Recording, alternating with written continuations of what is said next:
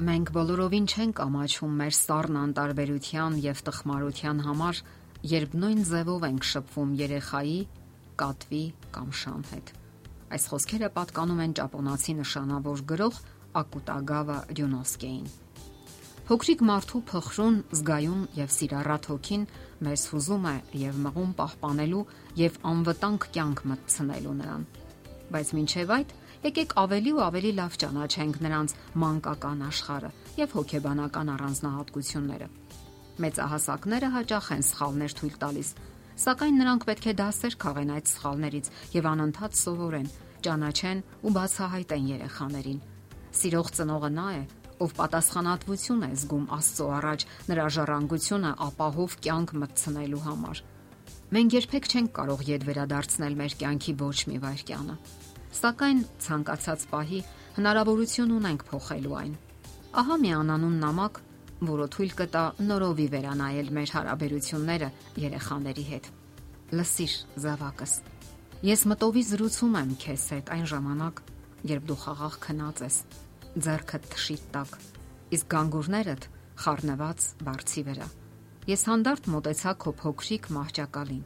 Իսկ ընդամենը մի քանի րոպե առաջ ես բազմոցին նստած գիրք էի կարդում, երբ հանկարծ խղճի սուր խայծ զգացի։ Մեղավորության զգացումը չէր լքում ինձ, եւ ես մտեցա քեզ։ Ես մտածում եմ իմ վարքագծի մասին։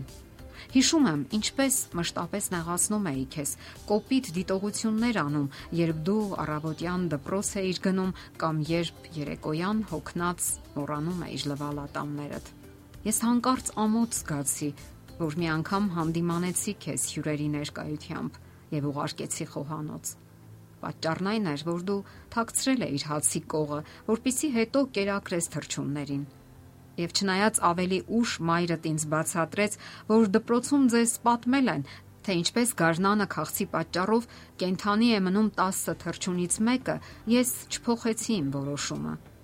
Իսկ այժմ ես ամոթ եմ զգում։ Ներիր ինձ, որդիս։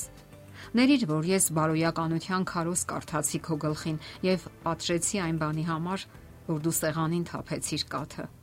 Չէ որ քո թաթիկները փոքրիկ էին եւ չկարողացան պահել մեծ ու ծանր գավաթը։ Ների, որ թերթ կարդալիս կամ հերոստացույց նայելիս ես ծուլանում էի պատասխանել քո մանկական հետաքրքրասեր բազում հարցերին, որոնք թափվում էին ինձ վրա աշնանային տերևների նման։ Ես պատասխանում էի, որ դու դեռ փոքր ես եւ երբևէ հասկանաս դա,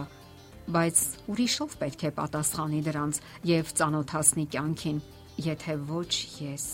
Ներիր, որ երբ դու խնդրեցիր խաղալ միասին, ես հրաժարվեցի, շարունակելով զբաղվել իմ գործերով։ Այսօր, երբ դու խաղում էիր եւ ես պատրաստվում էի դուրս գալ տնից,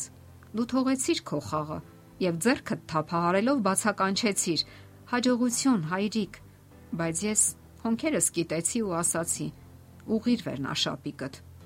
Ամեն ինչ նորից կրկնվեց, երբ ես աշխատանքից տուն եկա։ Դու բակում կոտրված մեքենայով խաղում էիր քո ընկերների հետ։ Տեսնելով կոտրված մեքենան, ես կշտամբեցի քեզ ընկերներիդ ներկայությամբ եւ հրամայեցի անմիջապես տուն գնալ։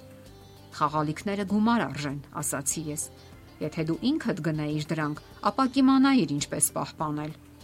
Ահա սա էր իմ ողջ վայ դասյարակությունը։ Իսկ հիշում ես, թե ինչքան անհամարցակ մտար իմ սենյակը։ Դու չէիր կարողանում բարձրացնել աչքերդ, որովհետև վախենում էիր ինձնից այն բանից հետո, երբ ես դասյարակչական ընդմիջում կազմակերպեցի քո գլխին ընկերներիդ ներկայությամբ։ Ես հայացքս բարձրացրի գրքից, նայեցի քեզ դժգոհ հայացքով, որովհետև դու անժամանակ ներխուժեցիր Իմ հայացքից դու կանգ առար դռների մոտ, չիմանալով ինչ անել։ Քեզ ինչ է պետք, հարցրի ես խիստ։ Դու ոչինչ չպատասխանեցիր։ Ուղակի վազեցիր ինձ մոտ, գրկեցիր վիզս եւ սիրով համբուրեցիր։ Այն սիրով, որ Աստված է դրել քո փոքրիկ սրտիկի մեջ եւ որը երբեք չի մարում, եթե նույնիսկ նույն ձևով չեն պատասխանում քեզ։ Դրանից հետո դու դանդաղ գնացիր դեպի քո անկյունը,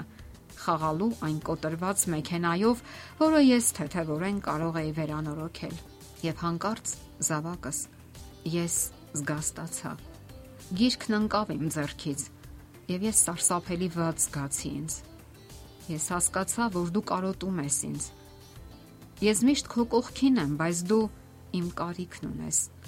Ես չհասկացա, թե ինչ է կատարվում ինձ հետ արդեն սովորություն է դառնում անընդհատ քեզ քննադատելը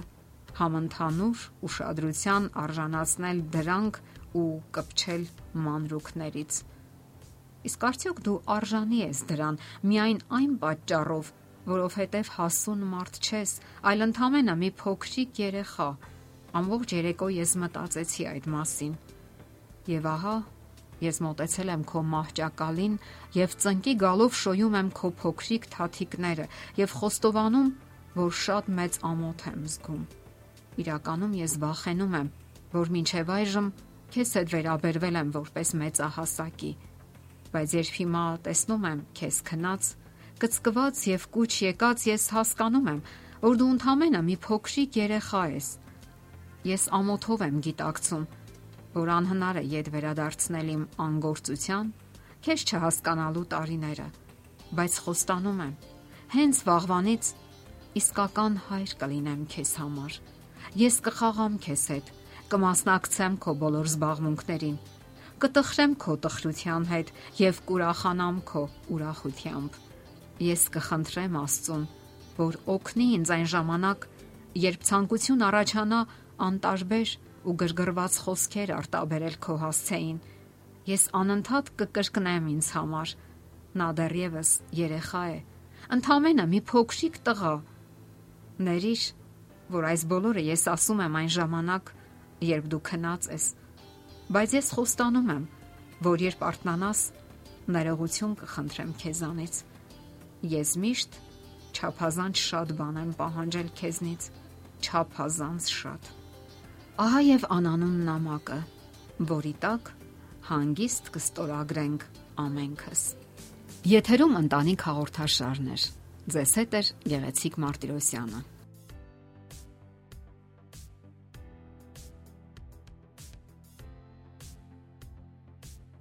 Հարցերի եւ առաջարկությունների դեպքում զանգահարեք 094 08 2093 հեռախոսահամարով։ Հետևեք մեզ hopmedia.am հասցեով։